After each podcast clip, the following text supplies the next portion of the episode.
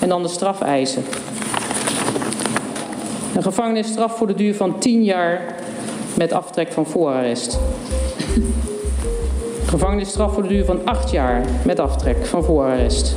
Een gevangenisstraf voor de duur van 8 jaar met aftrek van voorarrest. Een gevangenisstraf voor de duur van 18 maanden, waarvan 6 maanden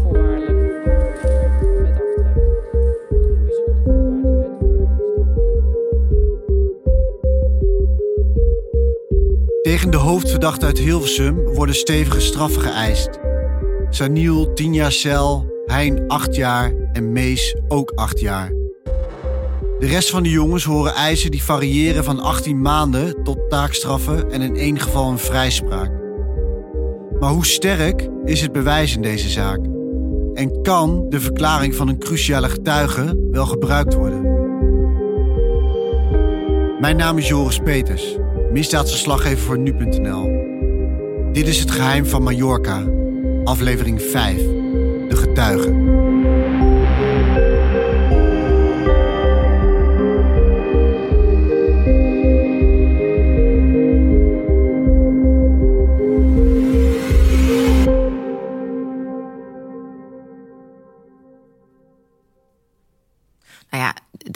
Eisen dat iemand tien jaar de gevangenis ingaat, is natuurlijk een hoge strafeis.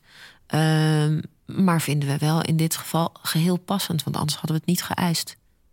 Je hoort de stem van Gabrielle, officier van justitie bij het Openbaar Ministerie. Ik ben eh, Gabrielle Hoppenbrouwers en vandaag in deze zaak zit ik hier eh, in de rol van persofficier.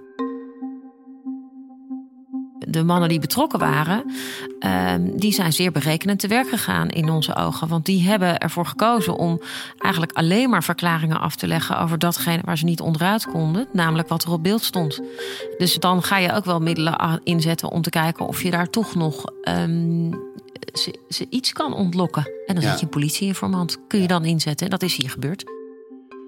Voordat we gaan praten over het onderzoek, wil ik eerst weten hoe deze zaak bij de Nederlandse politie terecht is gekomen. Waarom kon het onderzoek niet gewoon in Spanje worden afgehandeld? Het is gebeurd in Mallorca allemaal. En eh, dat is gebeurd op eh, 14 juli. En toen kwam er bij de Spaanse politie een melding binnen van een, eh, een vechtpartij. Eh, en eh, zij zijn eh, meteen onderzoek gaan doen. Eh, op 18 juli eh, is Carlo toen overleden in een Spaans ziekenhuis. Uiteindelijk is er op 26 juli in Nederland het verzoek binnengekomen vanuit Spanje om eh, de vervolging over te nemen. Eh, omdat in Spanje werd geredeneerd Nederlandse slachtoffers, Nederlandse verdachten. En ehm, dan hebben wij eigenlijk eh, geen enkele reden gehad in dit onderzoek om dat niet over te nemen. Dus vandaar dat het onderzoek toen naar Nederland is gekomen. Eh, en dan, ja, dan krijg je eerst dat het dossier deze kant op moet komen, wat er in Spanje al eh, is opgebouwd. Dan moet er een vertaalslag overheen en dan kan je aan de slag. De reden waarom ik dit vraag is de geruchtenstroom die op gang komt na het fatale incident in Mallorca. Rijke ouders van de jongens uit het gooi zouden dankzij hun invloed het voor elkaar hebben gekregen dat hun kinderen niet in een Spaanse cel vastkwamen te zitten. En dat is echt volledige kul dat dat gezegd is. We zijn hier een, een onafhankelijke, eh, eh, onafhankelijke rechtspraak is hier. Wij laten ons niet beïnvloeden door wat dan ook. Eh, dit is gewoon echt een verzoek geweest van de Spaanse rechter die heel praktisch heeft geredeneerd. Nederlandse verdachten, Nederlandse slachtoffers. Dan is het logisch dat Nederland dit zelf gaat doen. Ja. En dat hebben wij ook eh, zo eh, eh, ontvangen en zijn we ook gaan uitvoeren. Want ja, natuurlijk is dat zo. Belangrijkste taak voor het Openbaar Ministerie is om leiding te geven aan het politieonderzoek. Op basis van dat onderzoek besluit justitie of iemand moet worden vervolgd en of er voldoende bewijs is om iemand te laten veroordelen. Er ontstaat rond die tijd discussie over de vraag waarom de verdachten niet direct in Nederland worden aangehouden. Het OM zegt dat ze deze periode gebruikt hebben om de verdachte af te luisteren in de hoop dat ze zouden gaan praten. Je moet informatie verzamelen. En dat was in deze zaak eh, best bewerkelijk. Wat we hier verzameld hebben is getuigenverhoren. Ik geloof dat er 60 getuigen gehoord zijn, verhoord zijn in het totaal. Ehm, er zijn telefoons in beslag genomen. Die moet je onderzoeken. Nou, dat is veel werk. Ehm, er zijn telefoons afgeluisterd om te horen of er met elkaar gepraat werd uh, over uh, wat er gebeurd was daar. Er is filmmateriaal beschikbaar gekomen. Dat moest allemaal bekeken worden. Um, vervolgens is er ook nog een politieinformant ingezet om te praten met een van de ja, hoofdverdachten, zullen we het maar noemen. Iemand die betrokken was, vast zat en betrokken was bij uh, de dood van Carlo, uh, naar ons idee. Um, maar dat is, dat is een behoorlijk ingrijpend middel, een politieinformant. Ja, maar er is hier ook wel iemand dood gegaan, hè? De inzet van undercover-agenten is een van de zwaarste opsporingsmiddelen. Er gelden strenge regels voor en het wordt vaak pas ingezet als de politie geen andere oplossing meer ziet. Hier is echt een val opgezet voor, uh, voor Saniel. Over deze undercover-actie spreek ik in deze aflevering ook met Peter Plasman, de advocaat van Saniel B. En die val heeft er als volgt uitgezien. Er is van tevoren beslist, we gaan een werk onder dekmantel traject opzetten. Uh, en wat willen we bereiken? We willen bereiken dat, uh, dat, dat Saniel buiten verhoor toch met politiemensen gaat praten.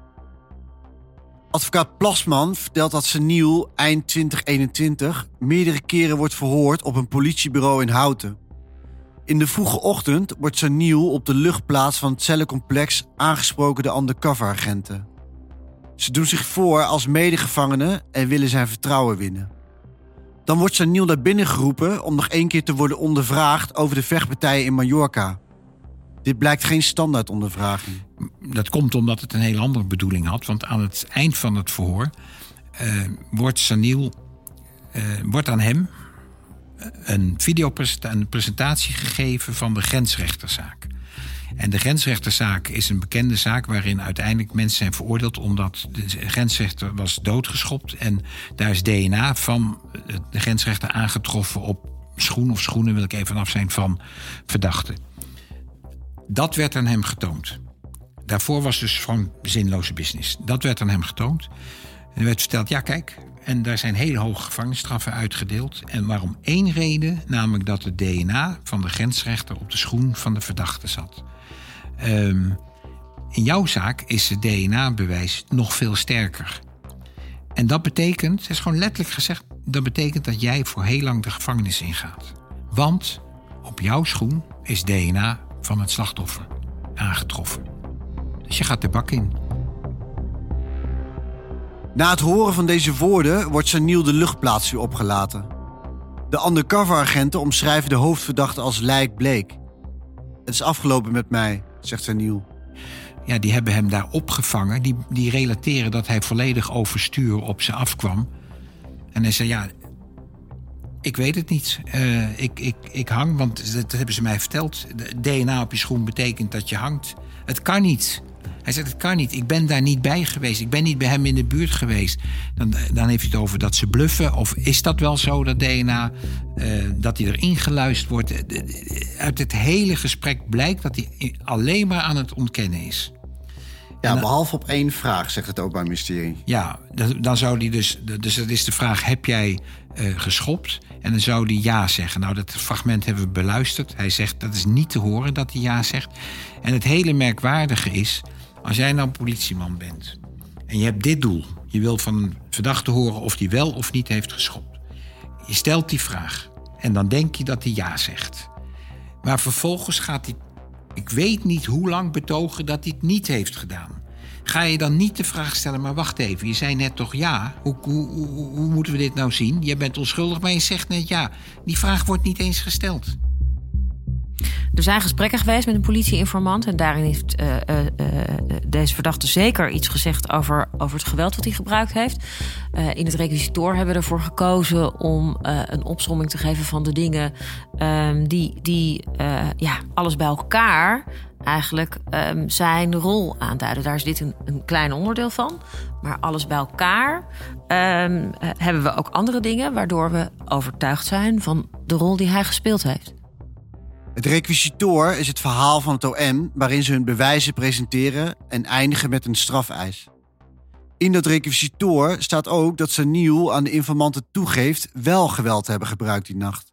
Ik heb mensen gekikt. Ehm, eh, dat heeft hij dus tegen die informant gezegd. En eh, eh, ja, daarmee heeft hij zeker aangegeven dat hij geschopt heeft. Ja, precies. En dat hij dat geweld dus niet geschuwd heeft. Ook gaat Gabrielle Hoppenbrouwers in op de verklaringen van Saniel die niet waar zouden zijn. Zo omschreef hij de groep als positief en zou dat ook door anderen zo zijn ervaren. Mensen in de omgeving van de villa waar de verdachten verbleven zien dit anders. Uh, en de verhuurder heeft ook aan de Spaanse politie verteld dat hij verschillende klachten van buurtbewoners had gekregen vanwege geluidsoverlast en probleemgedrag. En um, ja, Saniel heeft ook aangegeven, in eerste bij de politie heeft hij verklaard dat hij die avond niet gedronken had, volkomen nuchter was. Maar eerder had hij al verklaard dat hij een shotje had gedronken. Uh, dat blijkt ook uit verklaringen van medeverdachten. Uh, en uh, tegenover een informant heeft hij inderdaad gezegd... op de vraag waren jullie dronken, heeft hij gezegd... ja, maar ik heb tegen ze gezegd, ik was nuchter. over zit er ook een getuigenverklaring van een van uit de groep... die zegt, iedereen was altijd behoorlijk bezopen. Alleen Sanil bleef goed aanspreekbaar. Maar hoe moet het verhaal van Saniel tegenover de informanten dan worden uitgelegd? Hij zegt tegen mij, ja, bij die, bij die undercover, dat waren in mijn ogen gewoon crimineeltjes. Daar heb ik een beetje. Dat klopt niet allemaal wat ik daar heb gezegd. Een uitleg die volgens het OM typerend is voor Saniel. Hij past verklaringen aan, zodat deze passen bij zijn verhaal. Dat Saniel vertelt Carlo niet te hebben gezien en niet te hebben aangeraakt, wordt door justitie niet geloofd. Op de telefoon van een van de jongens uit Hilversum, die zelf niet betrokken was bij het geweld, worden berichten gevonden. Als er wordt gevraagd of Saniel en Mees het meeste geweld hebben gebruikt, antwoordt de jongen: ja, die hebben de zwaarste klappen uitgedeeld. En Saniel is het meest betrokken geweest bij de jongen die nu in coma ligt.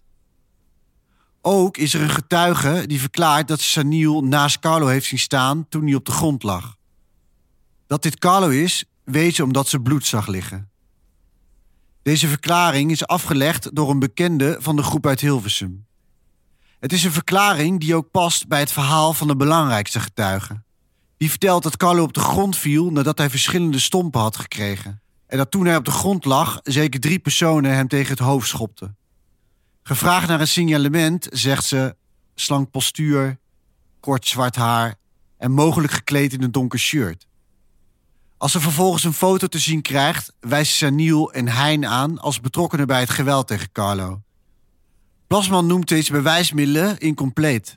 Hoe kun je nou met zo'n gammel dossier, als het gaat om de grote vraag wat is daar gebeurd, met zoveel ja, gepretendeerde zekerheid je zaak uh, aan de rechter voorleggen. Zo van ja, dit is eigenlijk een appeltje eitje. Ja. En je hoeft alleen nog maar af te tikken. Terwijl dat, dat is deze zaak niet het, het, als alles rammelt, dan kun je niet verankeren. Ja. Kijk, verankeren is nou, we hebben een verklaring.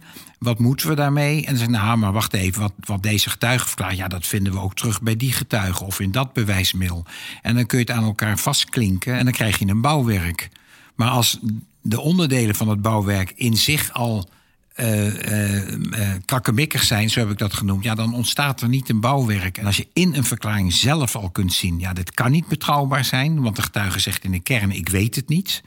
En als het op een enig moment wel iets lijkt te weten, dan valt het allemaal weg in de centrale stelling: ja, ik weet niet wat ik daar heb gezien. Ja. ja en als je dat dan weglaat als OM, dan ben je met krakkemikkige bewijsmiddelen bezig. Want hoe betrouwbaar is de verklaring van deze belangrijke getuigen? Als ze op de foto Saniel en Hein erkent als verdachten, wijst ze ook iemand aan die helemaal niet bij het geweld betrokken is geweest. Dan krijgt ze een foto te zien en dan zegt ze: Ik weet met zekerheid. Ik heb daar drie jongens gezien bij Carlo en die kan ik met zekerheid op deze foto aanwijzen. Nou, die jongens hebben donkere t-shirts in haar perceptie en op de foto staan drie jongens met donkere t-shirts, de rest niet. En het meest, het meest duidelijke waarom dit niet kan, is dat ze een van de drie die ze met zekerheid aanwijst, wijst ze iemand aan die toevallig aan die tafel zit. Die helemaal niets met die groep te maken heeft. En die wijst ze aan als een van de drie die uh, bij Carlo uh, gewelddadig is geweest. En ja. ja.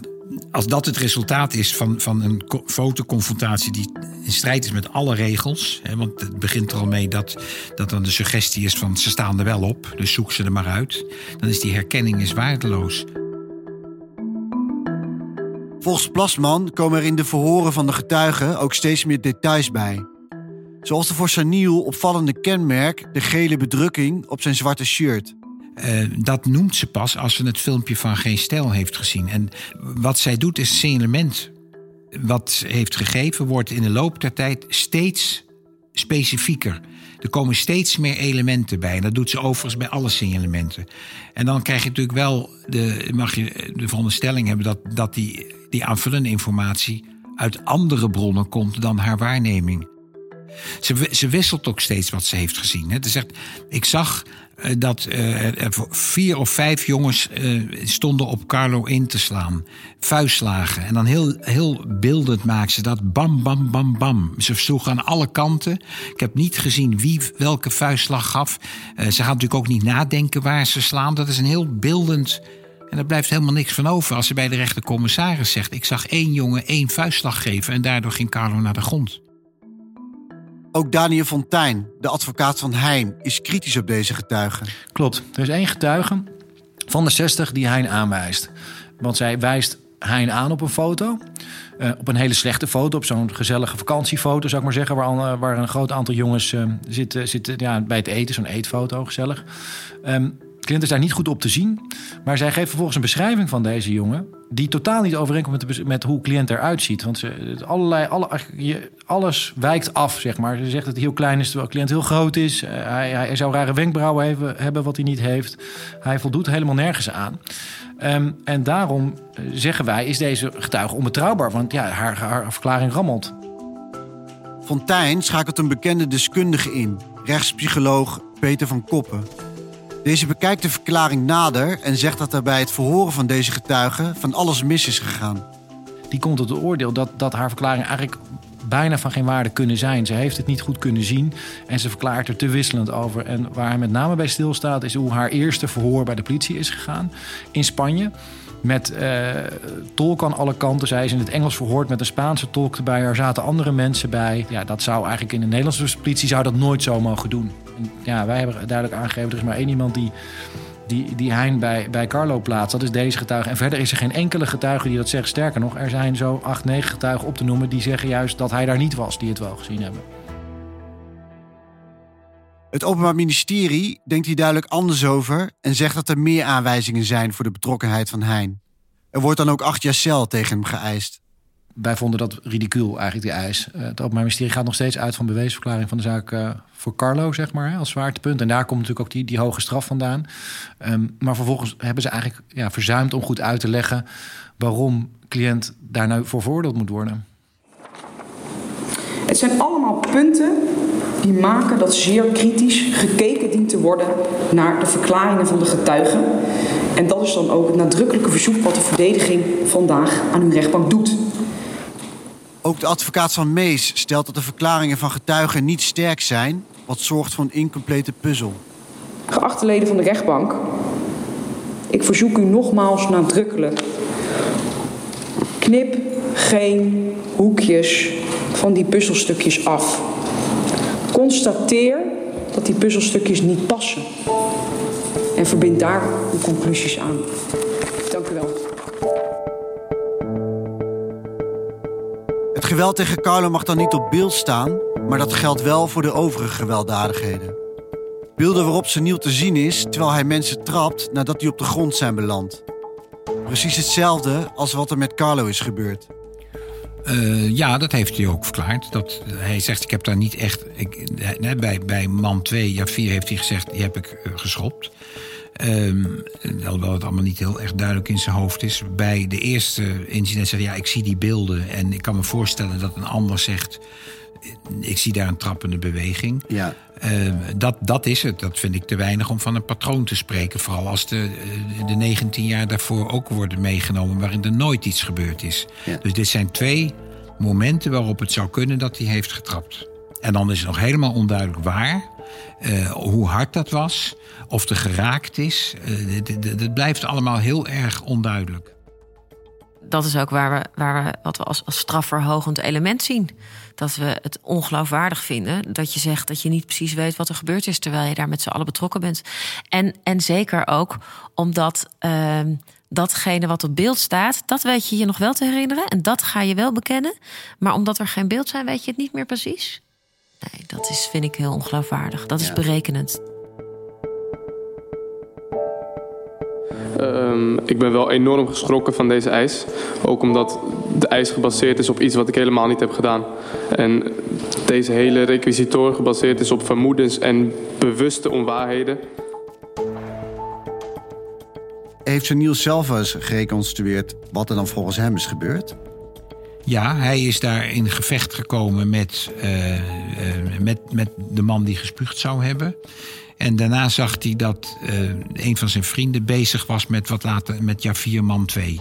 Dat daar, en die, daar is hij naartoe gegaan om die te helpen. Maar dan is er nog het DNA.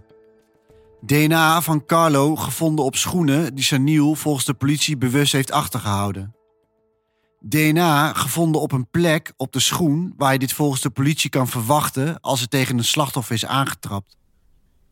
Dat Seniel de schoenen niet aan de politie heeft gegeven, berust volgens Plasman op een vergissing. En wat het DNA betreft is het volgens Plasman nooit duidelijk geworden om wat voor een materiaal het gaat en kan je dus moeilijk spreken van een daderspoor.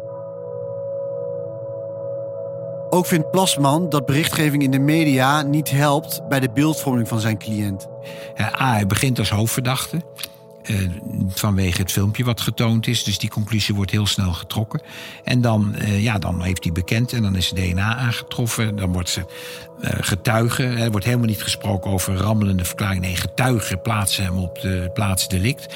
Ja, en dan is hij in de media is hij natuurlijk al veroordeeld. Ja, met ook directe gevolgen voor Seniel zelf, hè, heb ik begrepen. Ja, bedreigingen. En kijk, de gevolgen zijn natuurlijk ook dat, dat daar kan je ook niks meer aan doen. Je staat, hij staat er nu zo op. En dat gaat nooit meer weg. Hè. De, de, als je nu, vandaag of een week geleden in de samenleving zou vragen... wie heeft Carlo Heuvelman om het leven gebracht... dan is dat, ja, dat is die Saniel ja. uit Hilversum. Volgens het Openbaar Ministerie past de uitleg van de advocaten... bij het beeld dat ze van de verdachte hebben... Verdachten bij wie op mysterieuze wijze alle herinneringen zijn verdwenen als het gaat om het geweld dat niet op beeld staat. Dat geldt niet alleen voor de verdachten, maar ook voor getuigen die bevriend zijn met de groep uit Hilversum. In het onderzoek zijn meerdere berichten onderschept waarin getuigen zeggen dat ze er bovenop hebben gestaan of alles hebben gezien. Maar bij de politie geven ze geen duidelijkheid. Het OM is ervan overtuigd dat binnen de groep verdachten en hun vrienden er mensen zijn die precies weten wat er is gebeurd. Daarom gaan ze terughoudend om met de volgens hen nietszeggende verklaringen uit het kamp van de verdachten. Gabrielle Hoppenbrouwers noemt het bewijs tegen de verdachte dan ook overduidelijk. De combinatie van op oorlogspad zijn, van geweld naar geweld gaan, uh, niets vermoedende mensen aanvallen, hè, want dat is wat er gebeurd is voor de Bierexpress. Um, en eerder uh, elkaar ook al oproepen van kom hierheen om twee uur, want we hebben hier een groep die we een lesje moeten leren. Uh, en dan dusdanig heftig in een paar seconden tijd eigenlijk iemand de dood intrappen. Zulk excessief geweld. Um, ja, dat, dat vinden wij alles bij elkaar zo berekenend, zo heftig, dat er forse eisen uitkomen. Als je als rechtbank weet dat er negen verdachten zijn en je zou weten dat een van deze negen of meer schuldig zijn aan de dood van Carlo Heuvelman. Als je dat weet, maar je kunt niet vaststellen, je kunt twee dingen niet vaststellen. Eén, wie dat dan zijn. En ook niet dat er sprake is geweest binnen de hele groep van medeplegen, van bewuste en nauwe samenwerking. Nou, dat is er niet, hè, want dat zegt ook het Openbaar Ministerie niet. Dus dan kan je vaststellen, we, weten, we gaan nu negen mensen vrijspreken waarvan we zeker weten dat we mensen vrijspreken die verantwoordelijk zijn voor de dood van Carlo Heuvelman. En dat is in het verleden door rechters al uh, getoond dat het strafrecht zo kan werken. Uh, twaalf Hells Angels, ik dacht twaalf, uh, en zijn bij elkaar. En twee daarvan zijn aan het eind dood, om het leven gebracht. En de rechtbank zegt: wij kunnen niet vaststellen wie dit heeft gedaan. En wij kunnen ook niet vaststellen dat de groep heeft samengewerkt daarin. Dus wij spreken de tien overgebleven Hells Angels alle tien vrij, terwijl we zeker weten dat degenen die verantwoordelijk zijn daarbij zitten. En dat is heel moeilijk. En dat is, dat is natuurlijk voor de nabestaanden van Carlo Heuvelman is dat onverteerbaar. Dat zal ook voor delen van de samenleving onverteerbaar zijn. Maar uiteindelijk is dat een gevolg van de basisregel waar we allemaal, uh, uh, ja, hoe moet ik het zeggen? Zonder die regel zouden wij misschien niet in deze samenleving willen zitten. Dat je niet veroordeeld mag worden als jouw schuld niet vaststaat. Je mag niet onschuldig de gevangenis in. Ook niet als de consequentie is dat een schuldige buiten blijft. In de volgende aflevering van Het Geheim van Mallorca staan de verdachten oog in oog met de slachtoffers. Mijn werkelijkheid is dat ik tegen zonsondergang huilend bij het graf van Carlo zit. Radeloos, alleen en hopend op een wonder. En spreken we iemand die tegen de verwachting in toch haar verhaal wil doen. Ja, mijn enige doel was de, de verdachte in de ogen kijken. Dat is het enige. Ja. Wat ik wilde.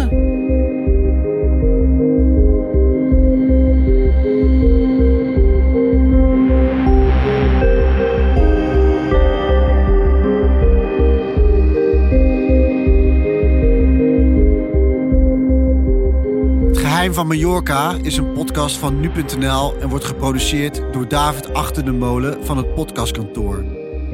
Presentatie van de podcast en het onderzoek naar de dood van Carlo Heuvelman wordt gedaan door mij, Joris Peters.